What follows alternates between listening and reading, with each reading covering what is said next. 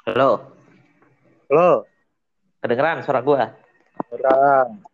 Oke, nunggu yang lain dulu deh. Tadi ikut bentar doang. Hah? Lu tadi ikutan bentar doang itu yang di Zoom. Nggak ikut foto gua. Oh. Lu yang tadi dengerin omongannya siapa? Prof Bu Budi atau pas Ngomong dari siapa itu ya? Yang ketua IKASA itu? Oh Nicolo Machiavelli. Ya, siapa? Si Nicolo Machiavelli. Eh, dia angkatan berapa sih? Angkatan tahun tahun dulu ya? 90-an itu dia. A- angkatannya Hum ya? Kakaknya Hum. Mungkin orang dia ini dulu pernah dapat jabatan di DPR, komisi komisi ahli kan, tim ahli. Apa? Tim ahli di DPR dulu dia. DPR RI. Iya. Heeh.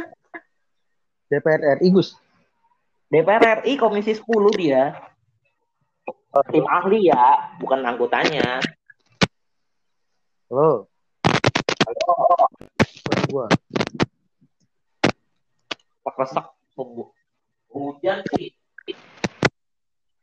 Periuk hujanan.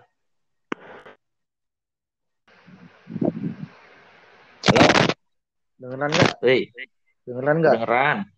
Kedengeran. Jelas. Jelas. Ya udah. Ini si Pacek mana nih ah? Ngomong doang lah. Asu. Telepon, telepon. Lu yang yang nelpon coba.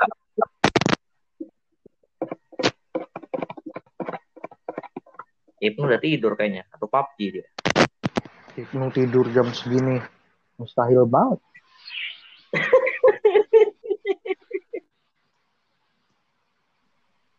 Itu kan nganterin dulu. Pacek Ke mana dia? Nganterin adeknya. Kerja kali. Tip malam.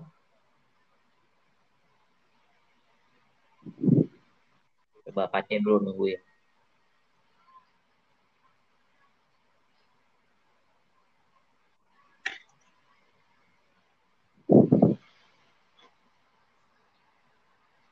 Tadi apa aja? Ngomongin apa aja dari awal, Gus?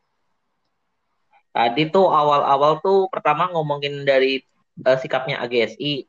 Bang Sumar yang ngomong. Ah, ah. Sumar itu ngomongin tiga hal tentang yang namanya draft kurikulum penyederhanaan ini. Iya. Itu kan kita nyebutnya jangan kurikulum 2020 ya, nyebutnya itu Draft. kurikulum penyederhanaan. Karena Nah, karena pandemi di- doang ya? Enggak, jadi penyederhanaan ini digunakan untuk yang namanya menyongsong konsep merdeka belajar yang digaungkan sama Nadim sebelumnya. Hmm. Jadi eh, Sumar itu bilang AGSI, eh bukan bilang AGSI, Sumar itu nganggip eh, ngambil kesimpulan dari draft kurikulum tersebut tiga hal. Pertama, eh, mapel sejarah di kelas 10 itu dilebur jadi mapel IPS. Itu pertama. Yang kedua itu mapel sejarah di kelas 11 dan kelas 12 jadi mapel pilihan. Dan Halo? Halo? Halo? halo, San, Halo?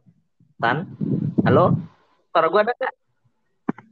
San, San, Woi. Oh, hilang suara lu? ada nggak suara gua? Nggak ada. Ada. Nggak ada. Ah, baru ada, baru ada. Gimana, Ya, gimana elah tadi? nih. Tiga hal? Tiga hal itu pertama, eh, kelas 10 sejarah itu digabungkan jadi IPS. Mm-mm. Terus yang kedua itu di kelas 11 mapel sejarah itu jadi mapel pilihan dan nggak ada lagi sejarah Indonesia sejarah minat. Terus yang ketiga itu mapel sejarah di SMK dihapusin. Mm-mm. Itu yang omongannya Bang Sumar. Habis omongannya Bang Sumar itu kalau nggak salah itu kan Wih, kresek-kresek suara lu. San? Halo? Halo, suara lu kresek-kresek. Aman nggak? Aman nggak? Aman nggak? Tunggu, tunggu belum, masih kresek. Sekarang? Udah mendingan. Udah. Woi, Tan, ah, kedengeran kan? beneran. Eh, tadi sampai mana gue tadi ngomongnya? Sampai mapel pilihan. Oke, terus yang poin ketiga itu yang sejarah SM, sejarah itu di SMK diabsen. Mm-mm. Nah, terus habis omongannya Bang Sumar itu lanjut ada omongan dari Prof Diana tentang gimana langkah lanjutnya sama Bu Budi. Mm-mm. Sebenarnya kalau dari Bu Budi, Bu Budi itu dia nggak eh, malah sifatnya itu ngajuin pertanyaan basic. Kenapa pemerintah itu sampai ada niatan untuk yang namanya nyederhanain kurikulum dan kenapa sejarah yang jadi korban salah satunya ya. Ya, Jadi Bu Budi itu kayak mempertanyakan apa sih latar belakang pemerintah dan lain sebagainya sampai membuat tindakan kayak begini. Terus dari pertanyaan Bu Budi itu ibaratnya Bang Iman sama Bang Soha kalau nggak salah Bang Iman, Bang Soha, Bang Nikolo itu ngasih perspektif masing-masing. Bang Iman tuh berkaitan sama yang namanya indeks PISA pendidikan di Indonesia. Halo? ya, ya, ya, ya. Indeks visa. Terus kalau Nah, kalau Bang Soha itu ngomongin dari perspektif yang namanya apa itu ya? Yang jalan pendidikan Indonesia kalau nggak salah. Jadi sebenarnya Kemendikbud itu udah bikin yang namanya roadmap peta jalan bagaimana pendidikan Indonesia itu melangkah 15 tahun ke depan. Itu kata Bang Iman. Ya. Terus satu lagi tuh yang katanya Bang Nikolo itu terkait yang namanya ya apa perubahan kurikulum ini nggak lepas dari yang namanya dalam tanda kutip ya unsur politik pertama. Ya, pasti. di mana di mana ganti menteri ganti kepala dan juga ada hubungannya sama peleburan ini dirjen kesejarahan sama dirjen kebudayaan. Sekarang kan dirjen sejarah sama dirjen kebudayaan jadi satu tuh. Ya, nah itu mungkin imbasnya dari situ. Sama satu lagi Bang Soha itu bilang ini ada kaitannya sama arah ekonomi arah ekonomi itu maksudnya di sini adalah eh, negara Indonesia dalam hal kemajuan ekonominya itu salah satu penilaiannya adalah kemajuan dalam hal indeks pendidikan. Makanya yang diupayakan oleh pemerintah adalah membuat sebuah kurikulum yang sifatnya itu eh, sederhana dan kurikulum itu benar-benar support ke PISA. Karena lewat PISA itu nantinya indikator pendidikan baik akan berdampak ke indikator ekonomi bahwa Indonesia ini tahapnya udah jadi negara maju kayak gitu. Jadi itu yang seakan-akan mau dicapai oleh negara Indonesia. Kenapa sampai mau merubah kurikulum demi dianggap jadi negara maju, ikut PISA, dianggap ekonominya maju, ekonomi maju dianggap sebagai negara maju, negara maju berarti dalam tanda kutip masyarakatnya terdidik. Itu kalau kata Bang Toha. Ya udah Nah. sih, habis itu Eh, ya perdebatannya apa kan? gue masih nggak nangkep soal indeks pendidikan, indeks visa pendidikan itu tadi. Kenapa? Nggak nangkepnya gimana San? Eh, maksudnya indeks indeks indeks visa pendidikan itu apa-apa? Apa dasarnya? Indeks. Indeks PISA itu didasarkan dari Halo? Iya iya. Indeks PISA itu didasarkan dari tiga hal. Pertama itu sains, kedua itu membaca, sama satu lagi itu adalah teknologi. Jadi kemajuan pendidikan suatu negara itu diukur sama tiga hal itu. Oke. Sains, teknologi, sama membaca. Heeh, Dan otomatis dalam struktur pendidikan heeh. haruslah terbentuk yang namanya struktur pendidikan yang support dengan apa yang dicapai, apa yang tercermin dari indikator PISA. Makanya yang diinginkan oleh pemerintah itu, kalau tadi kata Bang Iman adalah sebuah pendidikan yang mengedepankan life skill katanya. Life skill. That was the more important thing in the education. Menurut pemerintah. Kemampuan dalam, eh kemampuan dalam, kemampuan di kehidupan itu yang diperlukan oleh siswa-siswi di Indonesia. Dan sejarah itu tidak termasuk kemampuan yang harus dimiliki oleh siswa. Oh, tapi kan di situ ada ada literasi ya. Membaca. Nah, membaca itu kan hanya sekadar indikator yang kecil, yang ringan lah ibaratnya. Nah, Maka dari kalau- itu kan hitungannya kalau ngomongin sains kan kan kita pernah belajar soal soal definisi sains dan teknologi gitu loh.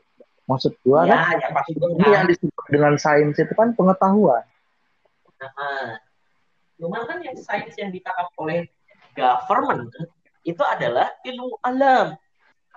Not Oh, a science iya. as a whole. Semua semua orang juga nganggap sains itu ilmu alam doang. Nah, itu dia.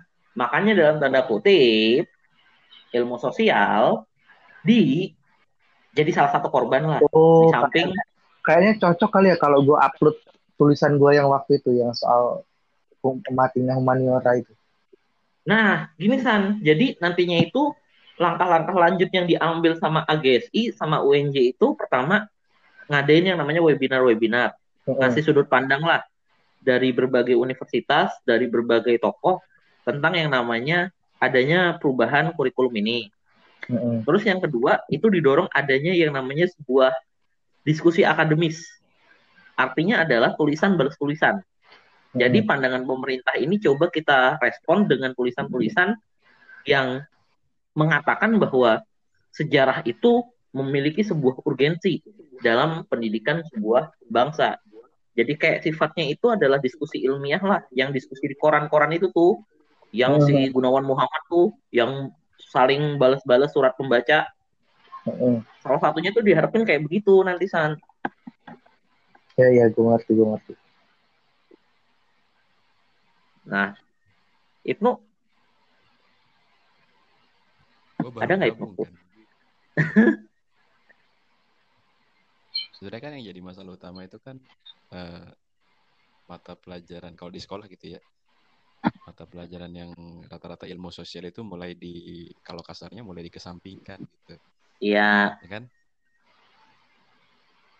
Nah, kalau tadi gue sempat dengar bagus bilang orientasi pemerintah saat ini lebih ke arah ekonomi gitu, menginginkan Indonesia menjadi sebuah negara yang maju. Tapi khususnya eh, dilihat dari aspek ekonominya aja gitu kan. Nah, tapi kalau ngomongin soal negara maju, kayaknya nggak cuma aspek ekonomi aja deh atau pendapatan pendapatan nasional yang di, di- dinaikkan gitu. Karena kan indikator negara maju itu nggak cuma diukur dari em, ekonomi gitu, tingkat pendapatan nasional. Ya salah satunya ada yang namanya eh, apa sih natalitas dan mortalitasnya gitu kan. Jadi pertumbuhan Nah. tidak banyak itu termasuk dalam kategori negara maju. Sementara kalau kita lihat orang Indonesia aja jumlahnya sangat banyak gitu. Itu yang pertama. Terus yang kedua juga pemerataan nih. Maksudnya pemerataan di segala aspek gitu ya, baik itu pendidikan, ekonomi, teknologi dan lain sebagainya itu di Indonesia nggak nggak nggak nggak merata semuanya gitu. iya benar. Dibandingin aja Jawa, Jawa sama Ja- Jawa di di Pulau Jawa khususnya gitu ya, di Jakarta dengan di Depok. Depok aja tuh beda banget gitu. Sangat berbeda sekali. Jadi kalau mau dipat, dikatakan sebagai negara maju ya permasalahan-permasalahan yang sifatnya dasar dulu harus di, di diurusin gitu, nggak cuma ekonomi. Iya sih. Ya gue tahu Tapi- masalahnya kan kita kan eh, masalahnya kita kan lagi ya memang krisis lah dunia saat ini. eh, Iya, sedunia. gitu kan. Iya. Ya mungkin itu langkah pemerintah awal untuk memperbaiki negara kita. Cuma kalau menurut gua nggak nggak jangan sampai mengesampingkan hal yang sifatnya utama dulu gitu loh. Tapi Gitu gini, sih. gini, gini deh. Malu nggak sih kita Indonesia kalau misalnya nih, gue gue gue ngerasa kalau kayak kita udah kena tamparan sekali nih karena kasus kasus munculnya yang si Corona. bukan Sunda Empire sebelum corona ini Oh ya. seolah-olah kalau Indonesia pusat pusat segala macam Sunda Empire itu. Tapi tapi faktanya kan itu semua eh, kerjaan orang-orang yang yang nggak paham sejarah gitu loh maksud gue itu itu nunjukin kalau ilmu sejarah di Indonesia itu kan kacau balau banget loh. Dari situ aja kita bisa melihat bahwa pelajaran itu penting. Biar nggak muncul lagi orang-orang yang bikin malu kayak gitu. Ya, cuman kan pada dasarnya pada saat ini rezim yang berkuasa itu kan selalu memuja-muja sebuah angka statistik. Iya betul. Lu gimana? Lu mau gimana menjadi sebuah bangsa yang eh, besar seperti Eropa lah misalkan, kalau lu nggak menghargai sebuah proses, Iya. kalau lu hanya menghargai sebuah pencapaian instan, pencapaian angka, pencapaian statistik, Iya iya. ya ibaratnya kalau kata Tirto, pemerintah kita adalah pemerintah pemuja angka, ya bener. Orang-orang yang mati di COVID, ya itu cuma angka. Bodoh amat yang banyak. Yang penting mah Yang penting edit-editnya. masuk, ya kan. Heeh. Jadi unik gua ngelihatnya aneh. Dengan pemikiran baik itu atasnya, baik itu menteri-menterinya, wah, gue bingung sama arahnya ini mau gimana. Menurut lu gimana, Cek? Gimana Oke. tuh Gus? Gimana gimana? Pendapat lu coba perihal yang namanya dilema penyederhanaan kurikulum ini nih yang jadi korban kan salah satunya sejarah nih. Hmm. Menurut lu apa ya? Coba kasih pandangan umum dulu deh menurut lu tentang yang namanya adanya omongan tentang sejarah harus disederhanakan dalam sekolah. Menurut lu gimana? Oh begitu ya. Kalau menurut gua sih ya, gua ada gak? Ada ada. Ini gak direkam kan ya? Kita ngobrol doang kan ini? Ada Kang Basur sama gue nih. Yang podcast ya Oh. pasti kerekam lah, Cek. Hmm. Gak akan di-share kok. Kecuali lu mau di-share ke pihak-pihak tertentu. Hmm. Share lah, masa kita obrolan ini nggak di share, nggak viral dong nanti. Ya Sampai betul. mana? Sampai mana? Nah, kalau menurut gue sih eh penyederha- peny- apa, penyederhanaan ya. Heeh. eh ada kaitannya nggak sih sama revolusi industri apa 2.0 ya? 4.0. 4.0 Oh, ya. 4.0 sorry sorry 4.0 4.0. Gue rasa sih Indonesia entah memang udah bakatnya atau memang dia salah ngebaca salah ngebaca Bakat. Gue gue seneng. Iya, emang gua udah- nih. Emang udah udah bakatnya atau memang eh, Indonesia tuh salah baca pengertian eh, 4.0 kayak gitu. Artinya, Artinya- aja. Artinya eh, semuanya itu eh, bakalan difokuskan ke dalam perkembangan teknologi kayak gitu. Seolah-olah eh, perkembangan teknologi itu nggak menyasar ke lini-lini yang eh, esensial tadi, misalnya kayak sejarah. Itu kan, oh, sejarah kan masa lalu, teknologi kan masa depan. Apa hubungannya begitu? Gua rasa sih ada salah baca tentang Indonesia di revolusi apa revolusi industri 4.0 kayak gitu tapi memang mungkin udah bakatnya kali ya Tabiat ya sih. Mm-mm. Kayak gitu. Tapi gini sih.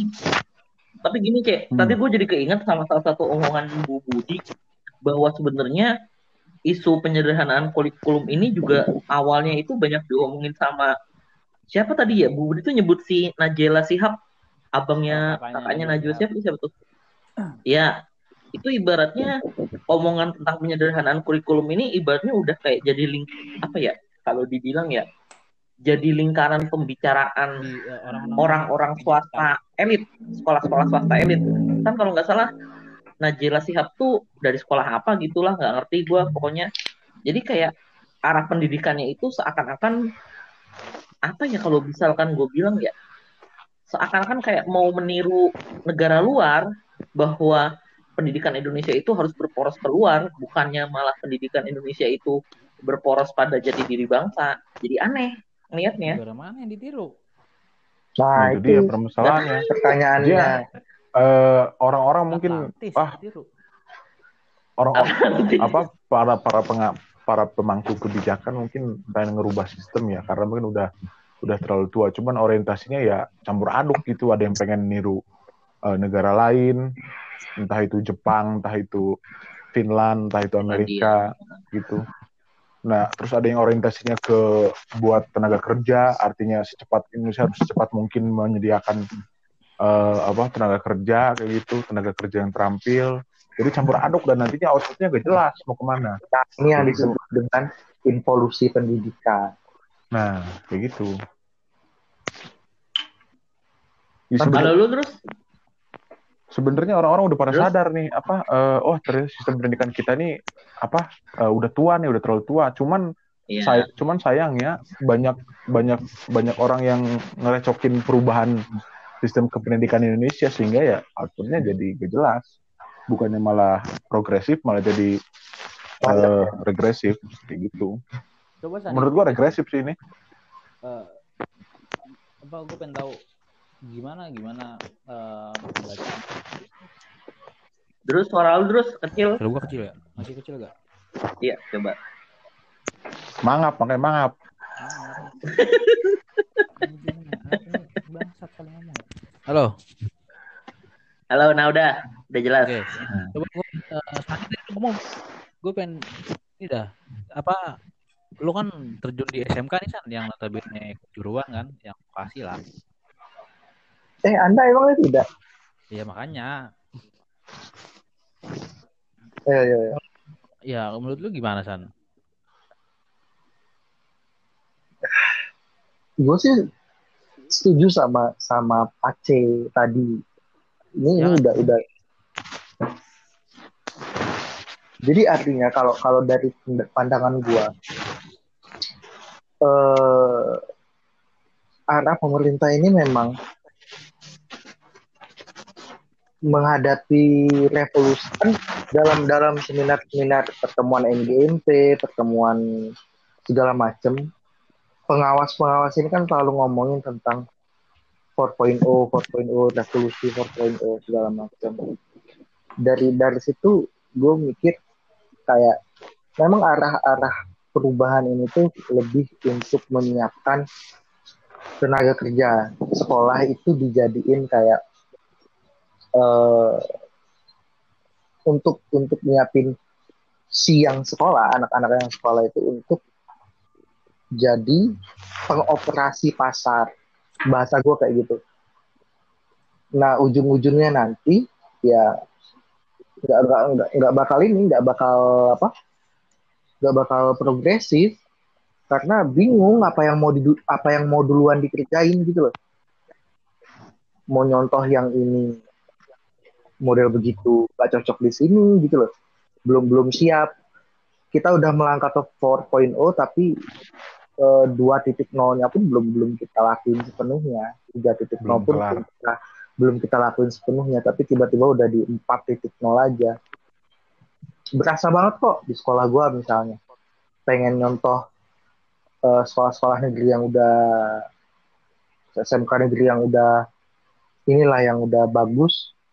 Tapi nyatanya kan nggak bekerja karena fasilitas-fasilitas pun kalah jauh kualitas anaknya pun kalah negeri kan kedapatan anak-anak yang memang kondisi orang Pintar. tuanya mendukung pendidikan Hmm. Eh, gizinya baik kondisi ekonominya baik sedangkan sekolah swasta yang model sekolah gue kebagian anak-anak yang model gimana make narkoba segala macem busung lapar kayak gitu terus kondisi rumah yang Anjing Kondisi- gila Kace.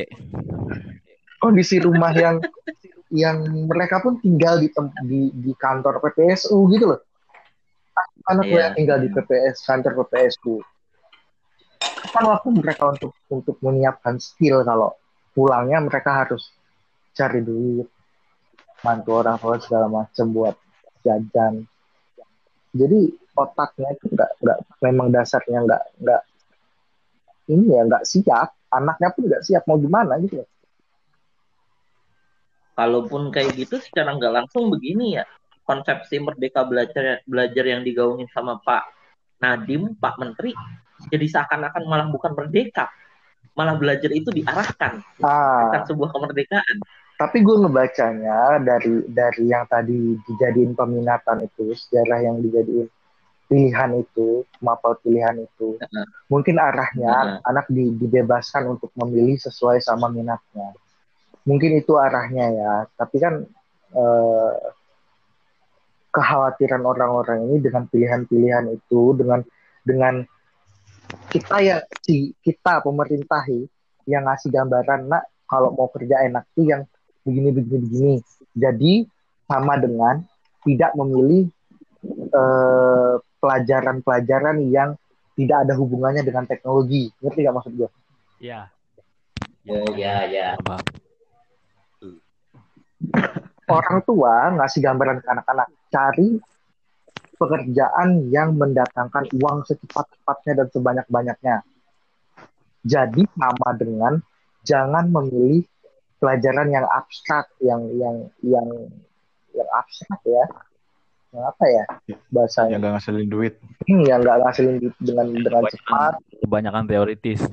kebanyakan teori. Nah, Itu kan faktanya kalau dia bisa menggunakan teknologi tanpa teori, bisa nggak? Udah, udah, udah. Anjing goblok nih. Kesel banget lah. yaudah, yaudah. Sekarang gini deh, coba ke Idrus. Kan lu tadi nyimak kan Idrus yang di Zoom itu. Iya. Coba keluarin unek-unek lu dulu deh. Perihal yang tadi diomongin di Zoom itu tuh tentang yang penyederhanaan kurikulum. Tadi sebenarnya gue lagi ngerjain ADART koperasi anjir. Gue jadi Goblok anjing. Pejabat, pejabat. Kok tiba-tiba lagi ya? Ampun. gue lagi ngerjain ADART koperasi jadi gue tinggal tuh kerjaan gue sialan. Aku nggak beres-beres kerjaan lu. Eh, Kemarin ngurusin perpus sama apa namanya ya gitulah mau kerjaan wala. Abis, abis podcast ini langsung ke Angel. Ya, makanya ini Yang meri jangan kerja, kerja, kerja tipes aja. Enggak ada bukan gitu. Eh, Tahu nggak playlist playlist lagunya Idrus tuh Mars Romusa. Romusa. Kerja. Ya. Mars bekerja. ya udah udah udah lanjut lanjut lanjut. Kita lanjut terus, terus. Aduh. kan gue yang apa namanya padahal tadi Kecil tuh suara yang disampaikan sama eh, Bang Ekim tadi menarik tuh karena ya memang gue lihat draftnya kan yang dalam bentuk PPT itu kan ya. Duh, Ya. itu gua gue lihat gue baca pola pikir pola pikir dari secara keseluruhan ekonomis banget. Udah kayak mau nyiptain sebuah produk produk sabun colek anjir.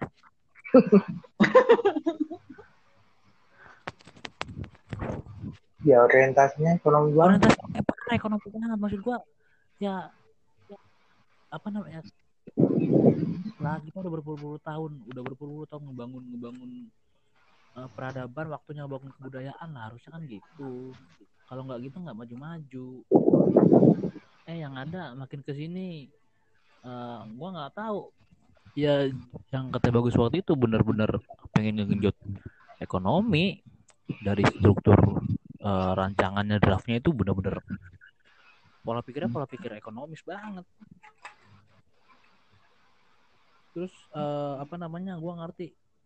Sebelumnya kan juga di di yang webinar aksi itu kan dari eh, apa namanya pemangku kebijakannya pun di ranah pendidikan khususnya SMK ya. Waktu itu gua pernah dengar ini ada dualisme ada dualisme pemangku kebijakan ada ada dari Kemendikbud ada dari Dirjen. Iya, iya. Gue lihat tuh waktu itu. yang tadinya ranah Ah, ranah mapel-mapel vokasi, ranah mapel-mapel kejuruan, ranah mapel-mapel eh, normatif di apa namanya diintervensi sama orang-orang pemangku kebijakan vokasi. Jadinya ini ya absen sejarah cuma ada di kelas 10 segala macam. Yang tadi kata Pece emang benar masyarakat pemahaman tentang 4.0 ya tok cuma tentang teknologi ketika masyarakatnya mengenal teknologi eh, masyarakat kita udah eh, berhasil menerapkan 4.0 mungkin wacananya masih kayak gitu. Padahal karakter karakter manusia manusianya belum tentu benar.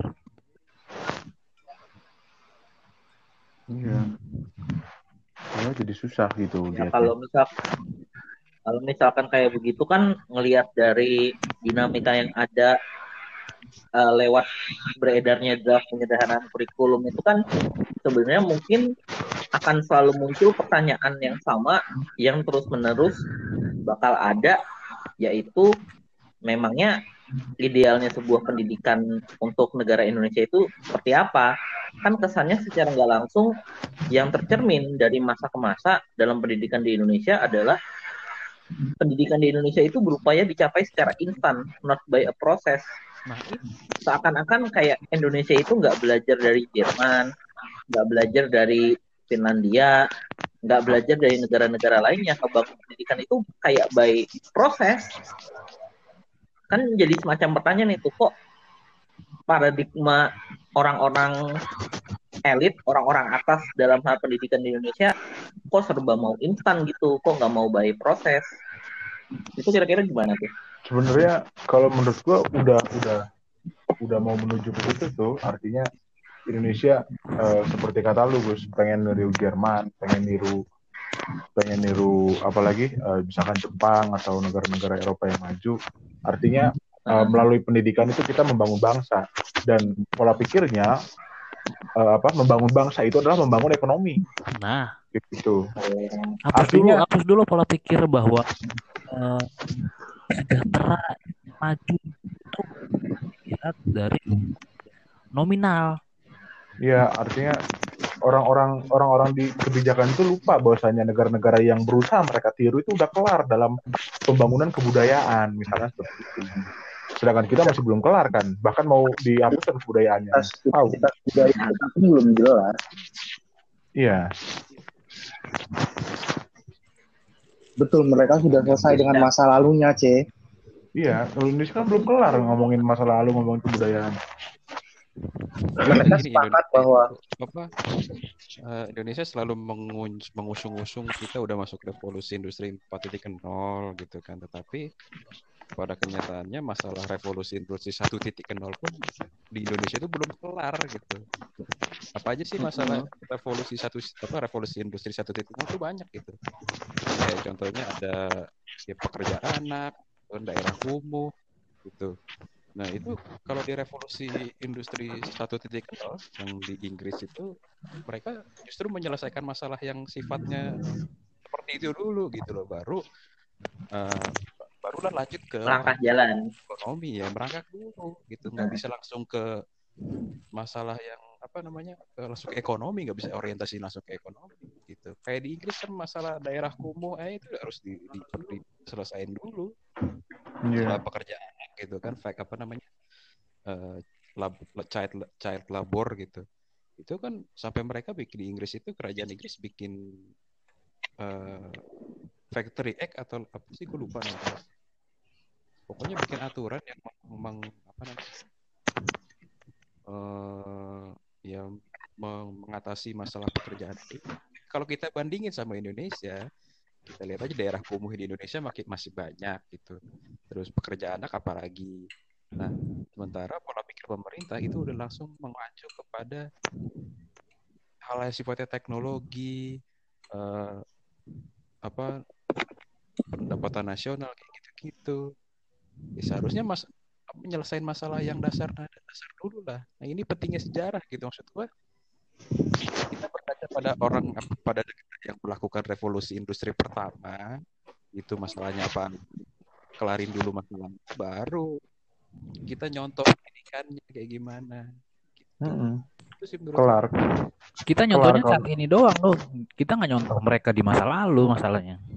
Nah, gua pentingnya sejarah tuh di situ. Nggak nggak berkaca pada masa lalu negara lain taunya taunya kita kesadaran kesadaran sejarah berarti ya? iya ya jelas lah kalau punya kesadaran sejarah nggak mapel sejarah dihapus jelas lah Hmm.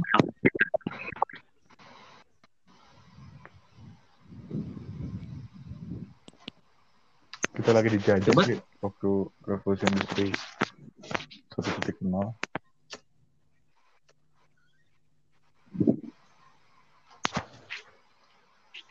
Cuman kan pada dasarnya kalau misalkan dilihat ya balik banget ke kesadaran para pemangku kebijakan sih. Para pemangku kebijakan itu masih apa ya dalam menganut jabatan ia pe- yang ia pegang itu masih kental sama nilai-nilai unsur feodalisme, nilai-nilai paternalistik yang udah terwariskan di Indonesia beratus-ratus tahun. Seakan-akan mereka itu nggak sadar bahwa ini ketika mereka jadi seorang pemangku kebijakan, jadi seorang pejabat, mereka itu harus do something yang berhasil ngebuat sebuah negara menjalani proses ke arah kemajuan, bukan yang namanya menjalani sebuah apa ya? Menjalani sebuah perjalanan sejarah yang sifatnya itu hanya instan, hanya untuk nyari muka doang. Pemangku kebijakan ya mental-mental ABS-nya masih kental banget. sih Jadi bingung udah. ya itu dia yang bilang tadi kita nggak nggak belum selesai belum mulai kayak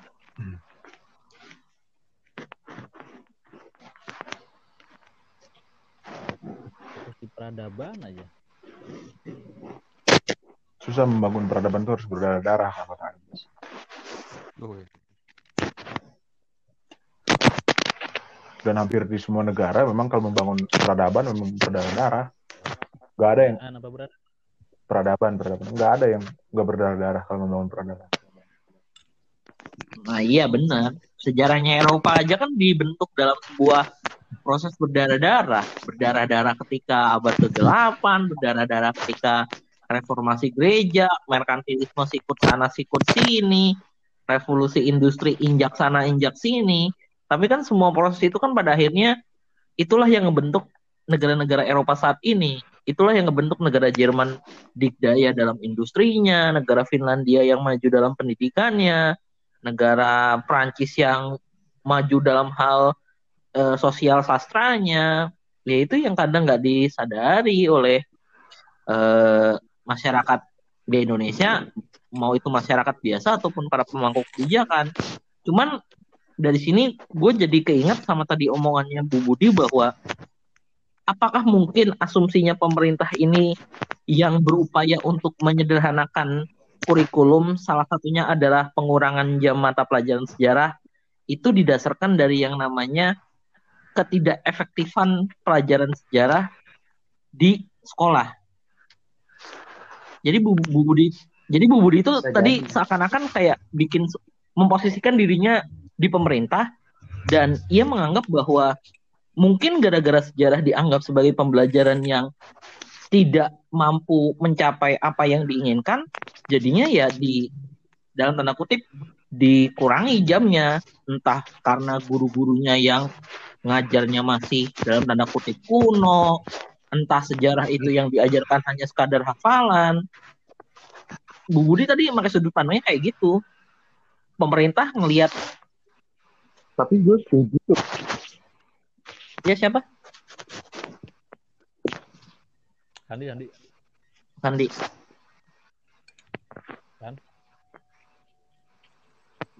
Ya, yo, Halo. culik ini orang.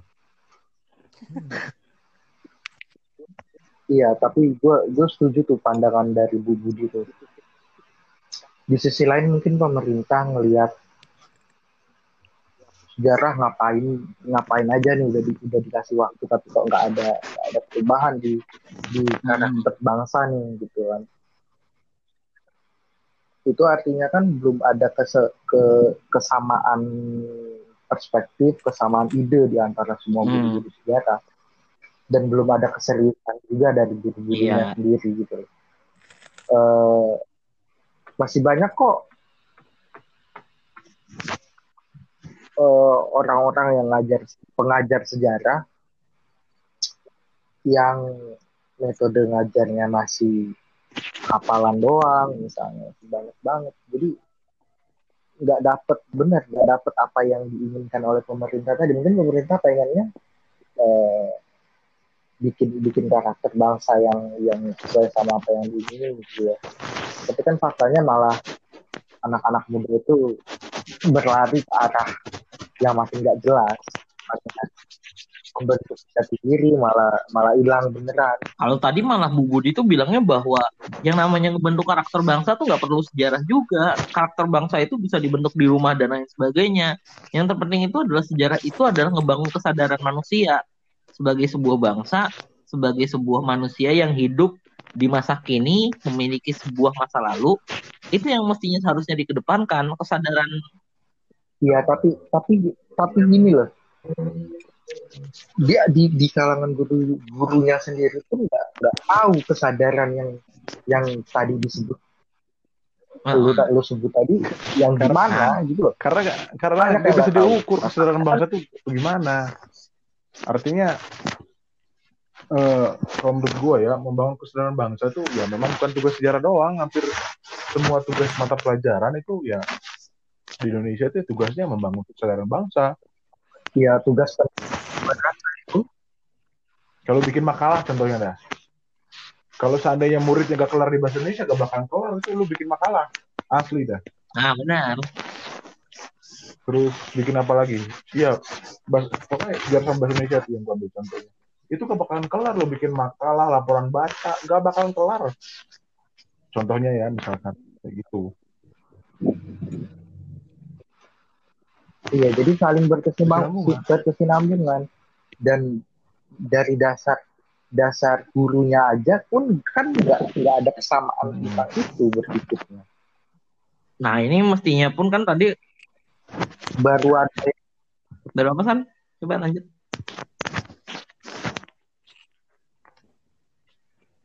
San? San? Culik. Hilang. Abang tukang bakso. San San gue lagi whatsappan gue lagi whatsappan sama Penny ini San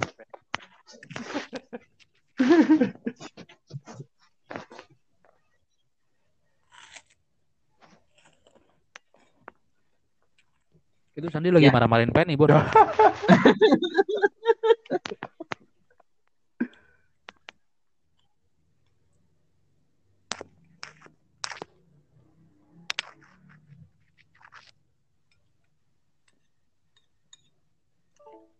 Ya, oh error.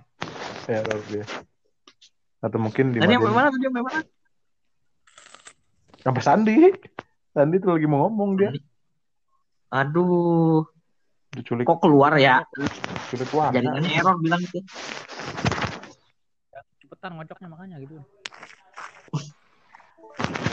Nah, San. Hmm? Lanjut. Sampai mana tadi? Nah, beli lu yang dulu. ngomong. Apa? Lu beli bakso dulu, San. Iya, gue tadi ada tukang bakso aja. Iya, jadi eh, apa?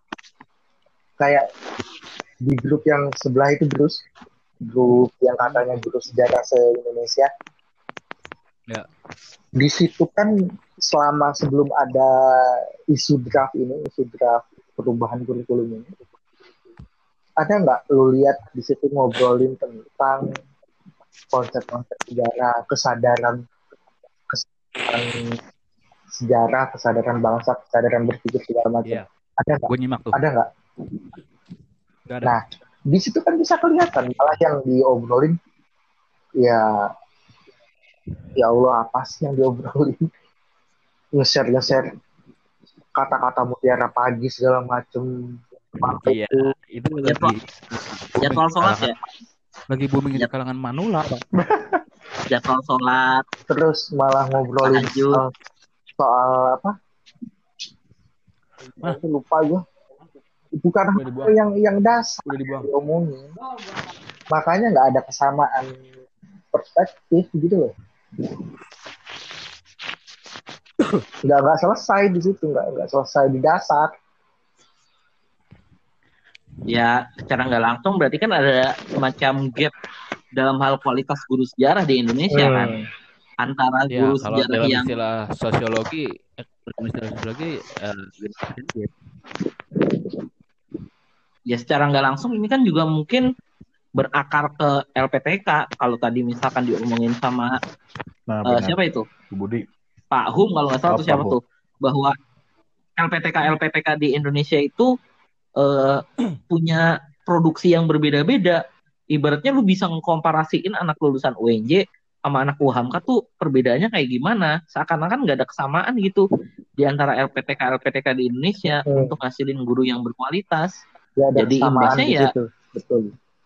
Heeh. Jadi ya secara nggak langsung imbasnya ketika lu ngajar di suatu sekolah kan bakal kelihatan nih, wah guru yang rajin, wah anak UNJ nih, wah guru yang mas-masan anaknya ini nih, guru yang eh, hobinya ngurusin administrasi sama ngurusin duit lulusan ini nih.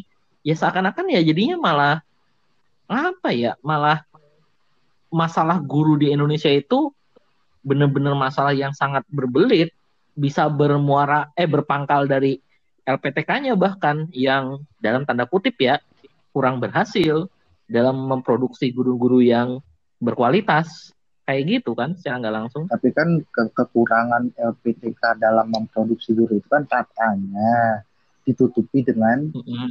apa? PPG. PPG. Nah, cuman kan permasalahan ya cuman kan ya balik lagi kesadaran apalagi apa ya gue nyebutnya ya kesadaran orang-orang yang berprofesi sebagai guru bahwa mereka itu mengemban sebuah profesi yang punya tugas mulia, yang punya tugas yang berat dalam pembangunan suatu bangsa, itu kadang nggak disadari oleh eh, semua guru. Nah, berarti ada Guru itu mungkin mah ya, ya Gus, ya, Gus.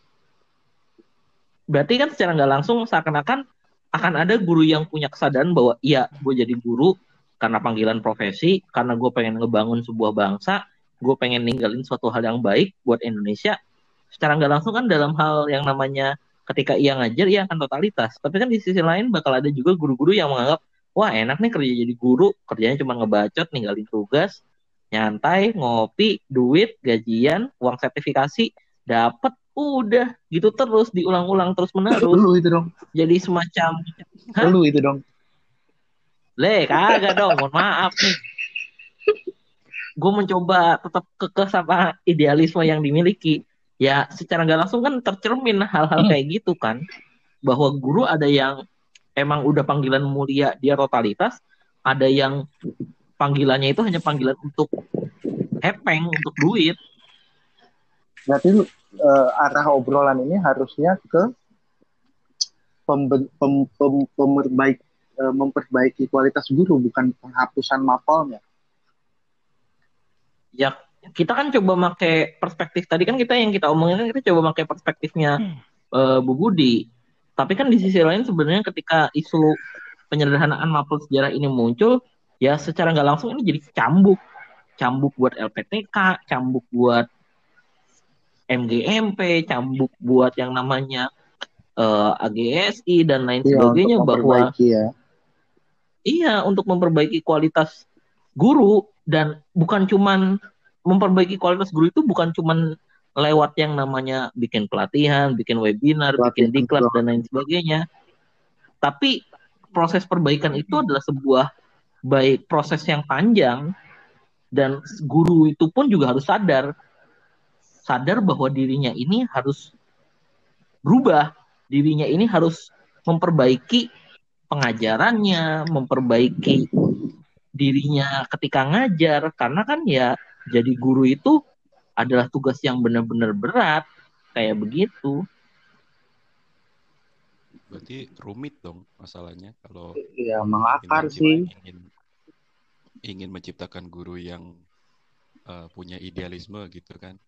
Dan Mm. itu itu rumit banget sumpah. Nggak bisa dengan tadi lu bilang diklat, PPG dan lain sebagainya. Gua rasa itu mah hanya tambahan Nah, cuma itu cuma proyek. Ah, iya cuma cuma proyek. Itu mah cuma apaan tahu. Nah iya kan, belum lagi kan kalau misalkan tuh sempat ada isu-isu tuh guru-guru organisasi guru macam PGRI deh. Gue pernah inget tuh PGRI itu pernah bikin omongan bahwa oh iya guru Indonesia itu gak berkualitas karena gajinya itu cuma sedikit bandingkan dong dengan Finlandia yang gurunya itu sampai ratusan juta per tahun sehingga Ya, kualitasnya iya sih, iya sih. bisa baik. Karena Ya jadi kayak bisa semacam beli buku ya, Gus ya. Iya. ya secara nggak langsung kan kalau bagi kita. Nah, guru-guru yang guru-guru yang otaknya udah bener, Enggak juga kan. Percuma punya duit banyak beli buku kalau nggak doyan baca. Nah, nah, Nah, bener Idrus. Apa yang dibilang sama Idrus kan, secara nggak langsung ya asumsi yang dibuat sama lembaga macam kayak PGRI kan jadi kayak semacam nggak valid gitu loh. Bahwa guru itu akan berkualitas kalau misalkan duitnya sekian kayak gitu. Kan nggak nggak semuanya seperti itu.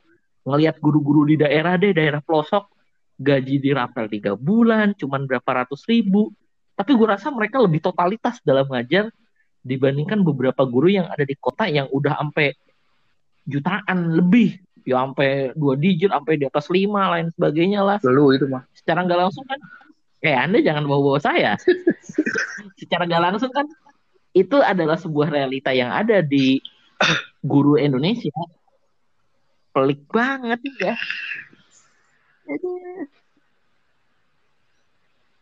Jadi solusi untuk menciptakan guru yang punya idealisme itu gimana gitu kan? Itu sus- susah Ini banyak-banyak main di Erangel. no.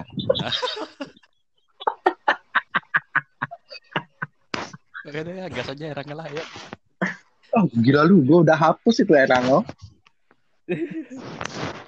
Eos aja, Eos. Eos, Eos. Nah, ayo main ideal Apa cek? Gimana cek? Ya, Pace mau ngomong itu kesian lu. Enggak. Apa sih, apa sih? Aku mendengarkan kok. Gimana Bon? Gimana Bon? mempertanyakan piagam perjanjian TNI AL dengan Nyai Roro Kidul. Buset. Iya, itu gue berita di mana? Itu tagline berita mana? Liputan 6 apa? Di Berita apa?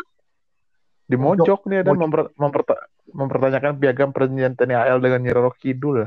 Lah, TNI AL kan di Roro Kidul. Iya. Itu untuk kedaulatan negara katanya.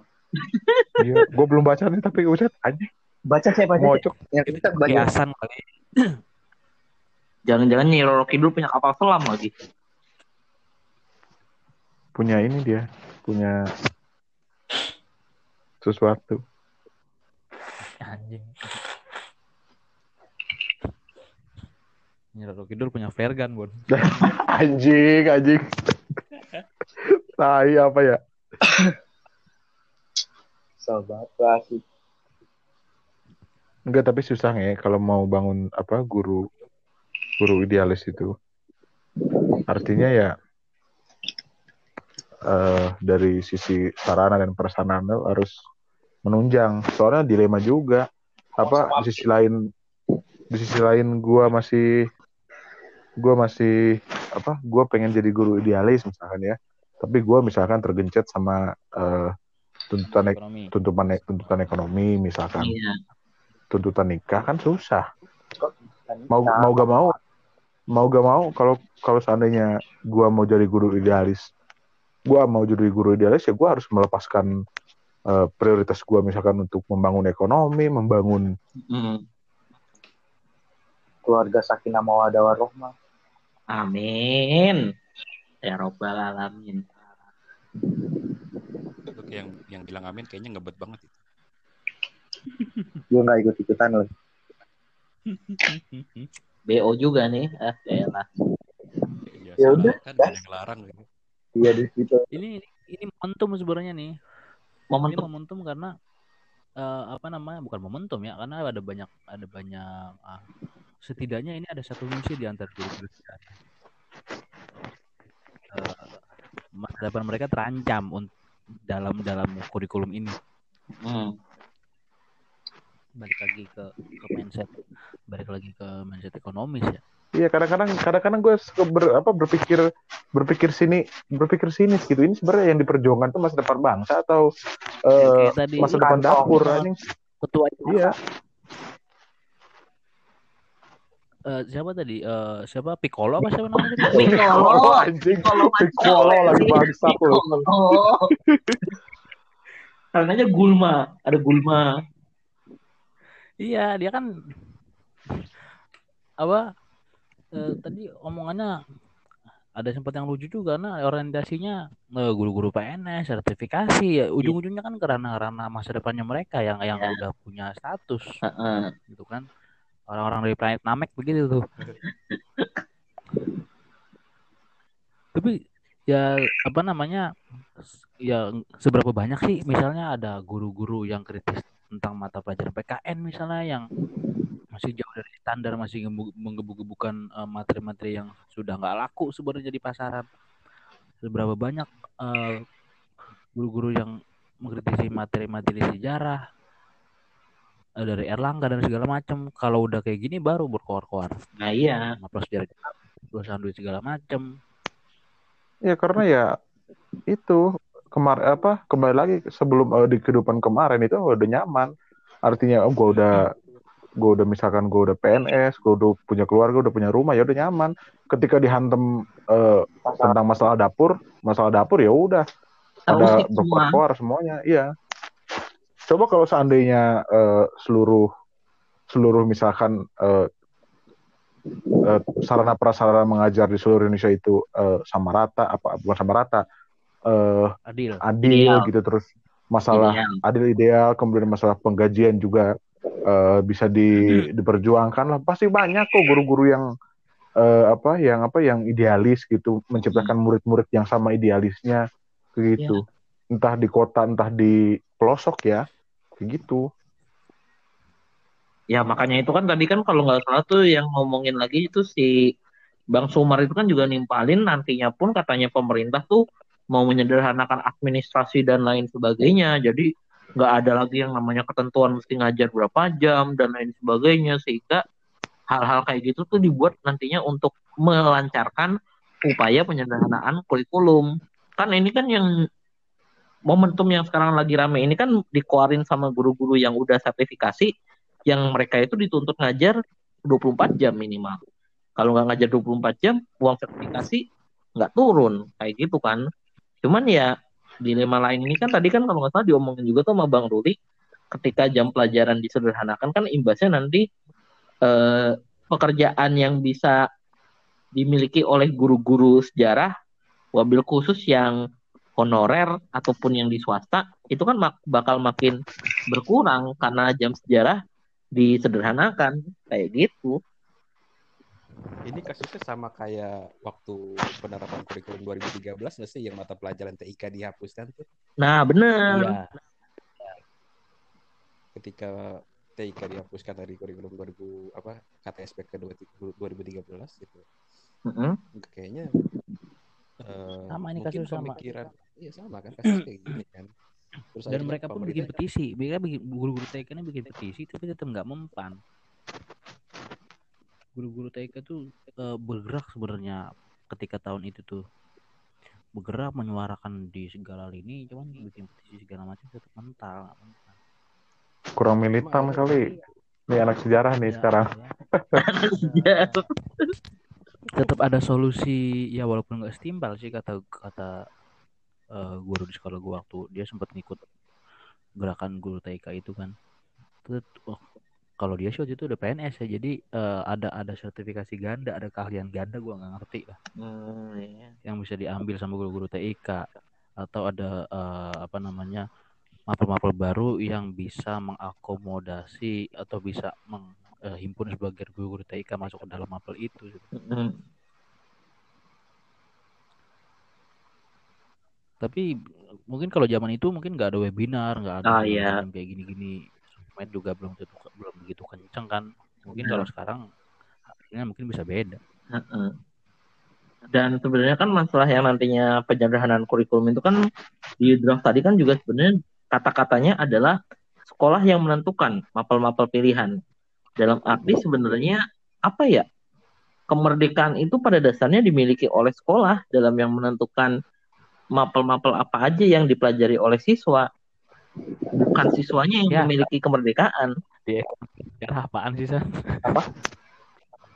di SMK sejarah tuh jadi apaan sih yang jadi yang yang kayak gue bilang tadi sekolah Nah. itu nggak ngasih koridor ujungnya nih lu dikasih gambaran lu kalau Mm-mm. ngikut geser Nah, mungkin kan nanti kecenderungannya itu sekolah itu nanti bikin pilihan mapelnya nyesuaiin sama kondisi guru di sekolah. Misalkan ambil contoh, oh guru sosionya cuma satu nih, oh ya udah berarti jamnya sosio yang dikit. Kalau guru sejarah, oh guru sejarahnya ada banyak nih, oh ya udah mapel pilihan sejarahnya di semua kelas deh biar dapat semua guru jamnya. Mungkin itu sih yang nantinya salah satu hal yang bakal terjadi di sekolah-sekolah.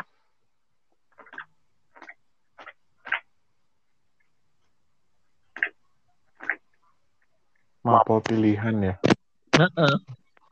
pilihan sulit nyanyi dong aku bukan pilihan gitu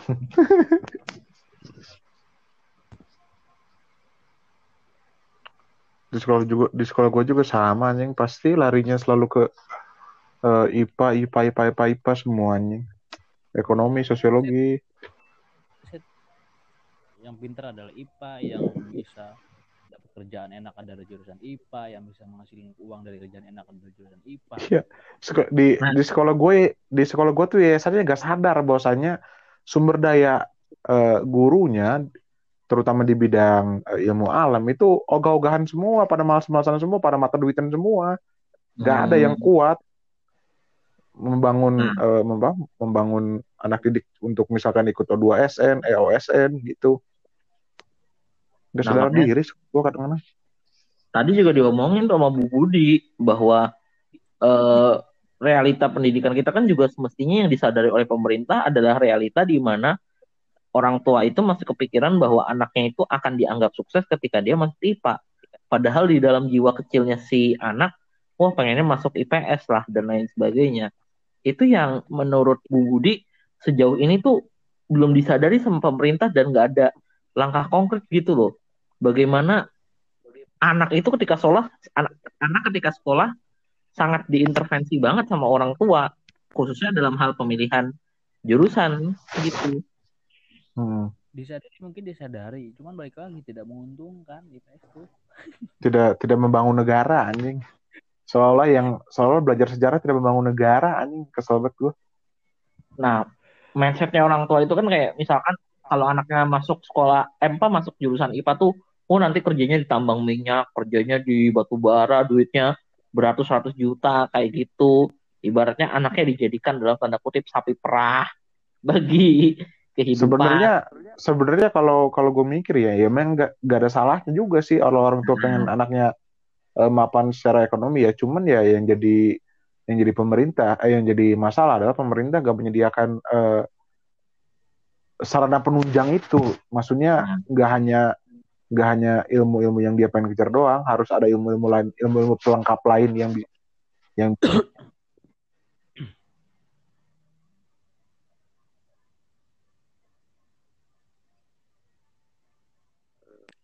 apa kebocoran migas misalkan begitu.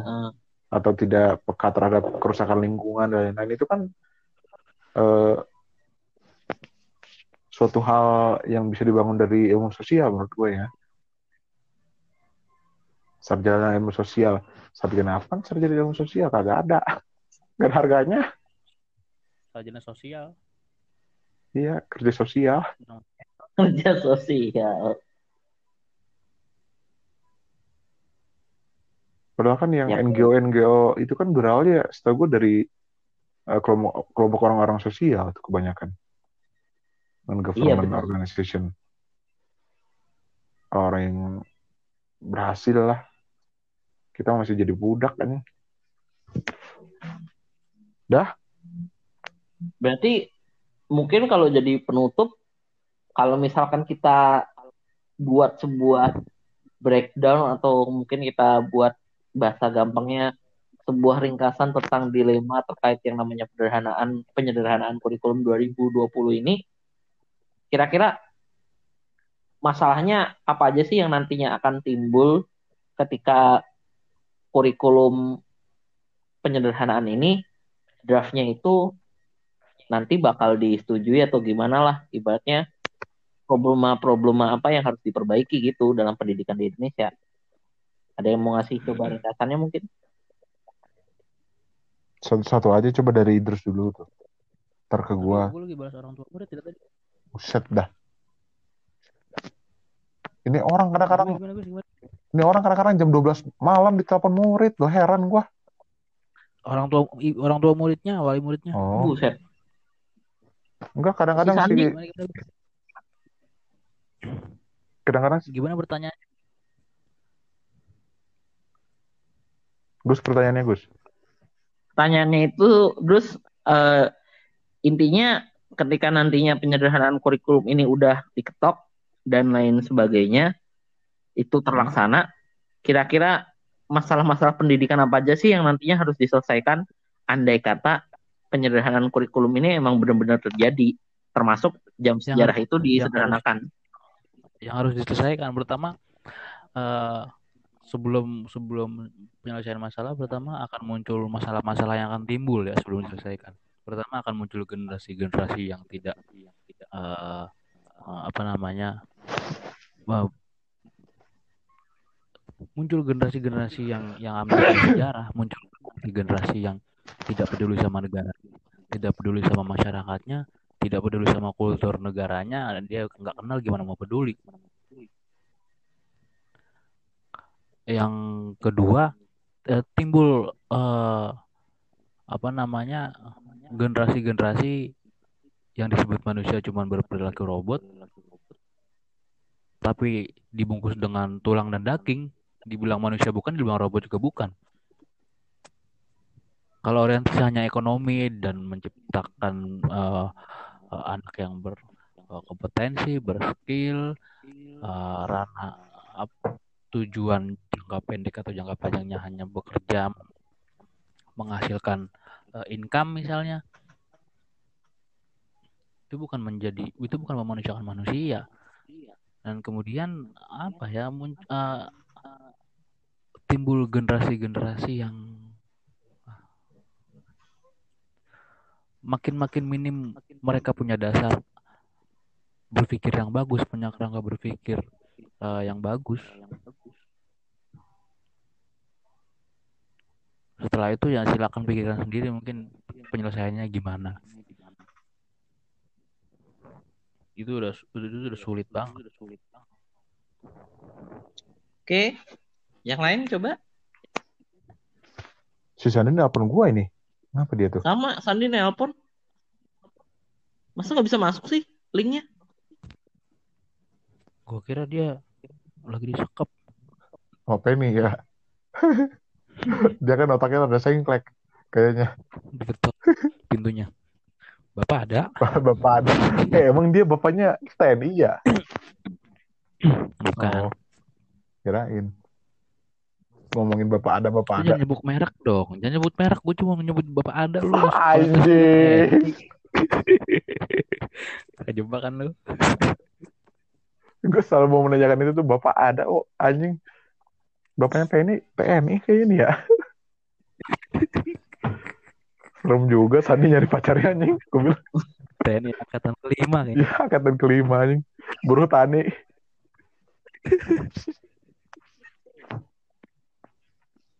Coba saudara Pace mau menambah ya Pace itu. Iya, paling gue sama juga kayak Idrus apa? Uh, kita harus Alah. kita harus mulai dari masalah yang muncul ya. Uh, kalau apa yang terjadi kalau uh, ada terjadinya penyederhanaan ya, ya udah generasi-generasi setelah atau beberapa tahun ke depan ya generasi-generasi yang jauh dari jauh dari kebudayaan asalnya artinya kebudayaan asal kebudayaan asal generasi-generasi selanjutnya adalah kebudayaan dunia bukan lagi kebudayaan Indonesia. Bahkan mungkin kebudayaan Indonesia itu ntarnya bakalan diperoleh atau eh bukan diperoleh bahkan dipelajari oleh orang-orang lain sebagai akibat dari globalisasi. Mungkin hmm. mungkin seperti itu sih. Jadi misalkan uh, kayak sekarang nih orang-orang uh, orang-orang anak-anak muda misalkan ya gue beri gue berimajinasi. Anak-anak muda lebih uh, beberapa tahun ke depan mungkin bahkan lebih bangga memakai pakaian adat misalkan sebutlah dari Korea atau dari Jepang tuh pakaian-pakaian adat mereka sementara orang-orang orang-orang Korea atau orang-orang Jepang lebih bangga memakai batik. Kayak gitu. Jadi jadi kayak gimana ya? Gue lagi berimajinasi liar nih. Gue nyambungin sama globalisasi. Nggak penting sih sebenarnya. Kayak gitu. Apa? Artinya nantinya generasi-generasi muda itu bakal jauh dari kebudayaan mereka sendiri. Justru jauh dari kebudayaan mereka sendiri justru makin dekat dengan kebudayaan-kebudayaan negara-negara yang gencar atau yang kuat dalam arus globalisasi kayak gitu. Oke, terakhir coba Saudara Ibnu. Gimana ya kalau kurikulum ini disahkan gitu? Gue rasa puluhan tahun ke depan Indonesia itu cuma jadi di budak di negaranya sendiri gitu. Ketika negara negara lain maju dari segi aspek uh, budaya dan lain, ya, di Indonesia sementara ya cuma jadi pekerja-pekerja kasar gitu lagi ya cuma jadi konsumen cuma jadi uh, ya, motor-motor penggerak ekonomi uh, elit global. bangsa lain. Itu aja sih. Ya jadi manusia-manusia yang cuma sekedar uh, cukup memenuhi kebutuhan ekonominya. Gitu aja. Ya berarti mungkin kalau misalkan disimpulin pada akhirnya ketika penyederhanaan kurikulum ini memang benar nanti disahkan diketok Indonesia bakal ngalamin jalan yang panjang dalam ngebangun sebuah pembangunan bangsa lagi. Ya mungkin bahasa kasarnya pembangunan Indonesia sebagai sebuah bangsa sebagai sebuah peradaban bakal ngalamin yang namanya kemunduran karena tadi bahwa pendidikan hanya diorientasikan kepada ekonomi, pendidikan bukan diorientasikan sebagai sebuah proses jalan panjang yang harus ditapaki satu persatu. Secara nggak langsung ya hasilnya nanti juga bakal nggak baik ketika proses pembangunan sebuah bangsa lewat pendidikan itu malah dilewatkan begitu aja. Ya mungkin kita bisa bercermin lah dengan apa yang terjadi di peradaban Eropa yang dalam membangun peradabannya itu. Mereka melalui proses panjang, proses yang berdarah-darah, proses penuh pro dan kontra, tapi toh pada akhirnya proses panjang pembangunan peradaban Eropa itu ya bisa dinikmati saat ini. Ketika Indonesia pemerintahnya mengambil jalan ini, jalan penyederhanaan kurikulum, ya mungkin konsekuensi-konsekuensi yang lahir akan jadi masalah baru dalam proses pembangunan peradaban Indonesia. Itu aja mungkin kali ya buat podcastnya. Gue nambahin dikit lagi nih. Ya. Gue nambahin dikit lagi nih. Uh, mungkin sebagai orang yang uh, belajar sejarah ya, yang ya. yang cukup uh, belajarnya pas-pasan, artinya kita kita bernegara itu masih muda, men. Baru 70 tahun. Eh 70 tahun ya? apa 75? Ya, 75. 75. 75 tahun. Apa uh, masih masih muda banget kalau kita lihat. Artinya uh, Amerika pun pada umur 75 tahun tuh belum kelar setahu gua ngomongin nah. tentang hak asasi manusia dan lain-lain. Padahal kan Amerika merupakan salah satu uh, pencetus paham HAM terus kemudian demokrasi dan lain-lain ya kan. Artinya uh, ini dinamika kita harus uh, berproses sebagai orang-orang yang hidup pada zaman ini. Mungkin kalau seandainya kita pahit pada zaman ini, tapi gue yakin uh, orang-orang 100 tahun di setelah kita mungkin akan sadar bahwasanya ada yang salah dengan negeri ini. Gak harus besok 100 tahun juga gak apa-apa. Karena kita hidup bernegara ini gak cuma hari ini saja, tapi untuk ber untuk selama-lamanya kalau kata Bung Karno. Anjay. Cukup? Oke, berarti itu penutup dari saudara Yohanes. Itu ya, ya, ya, jodanya kecil ya. Jodoh kecil aja. Kuda emang. Ya, itulah obrolan-obrolan kita tentang yang namanya dinamika penyederhanaan kurikulum ini silahkan didengarkan yang perlu didengarkan. Kata-kata yang nggak perlu didengarkan jangan didengarkan. Yang jorok-jorok jangan didengarkan. Apalagi karena jangan dicontoh. Apalagi kalau pendengarnya masih muda. Itu aja buat podcast malam ini. Terima kasih. Assalamualaikum warahmatullahi wabarakatuh. Eh, eh.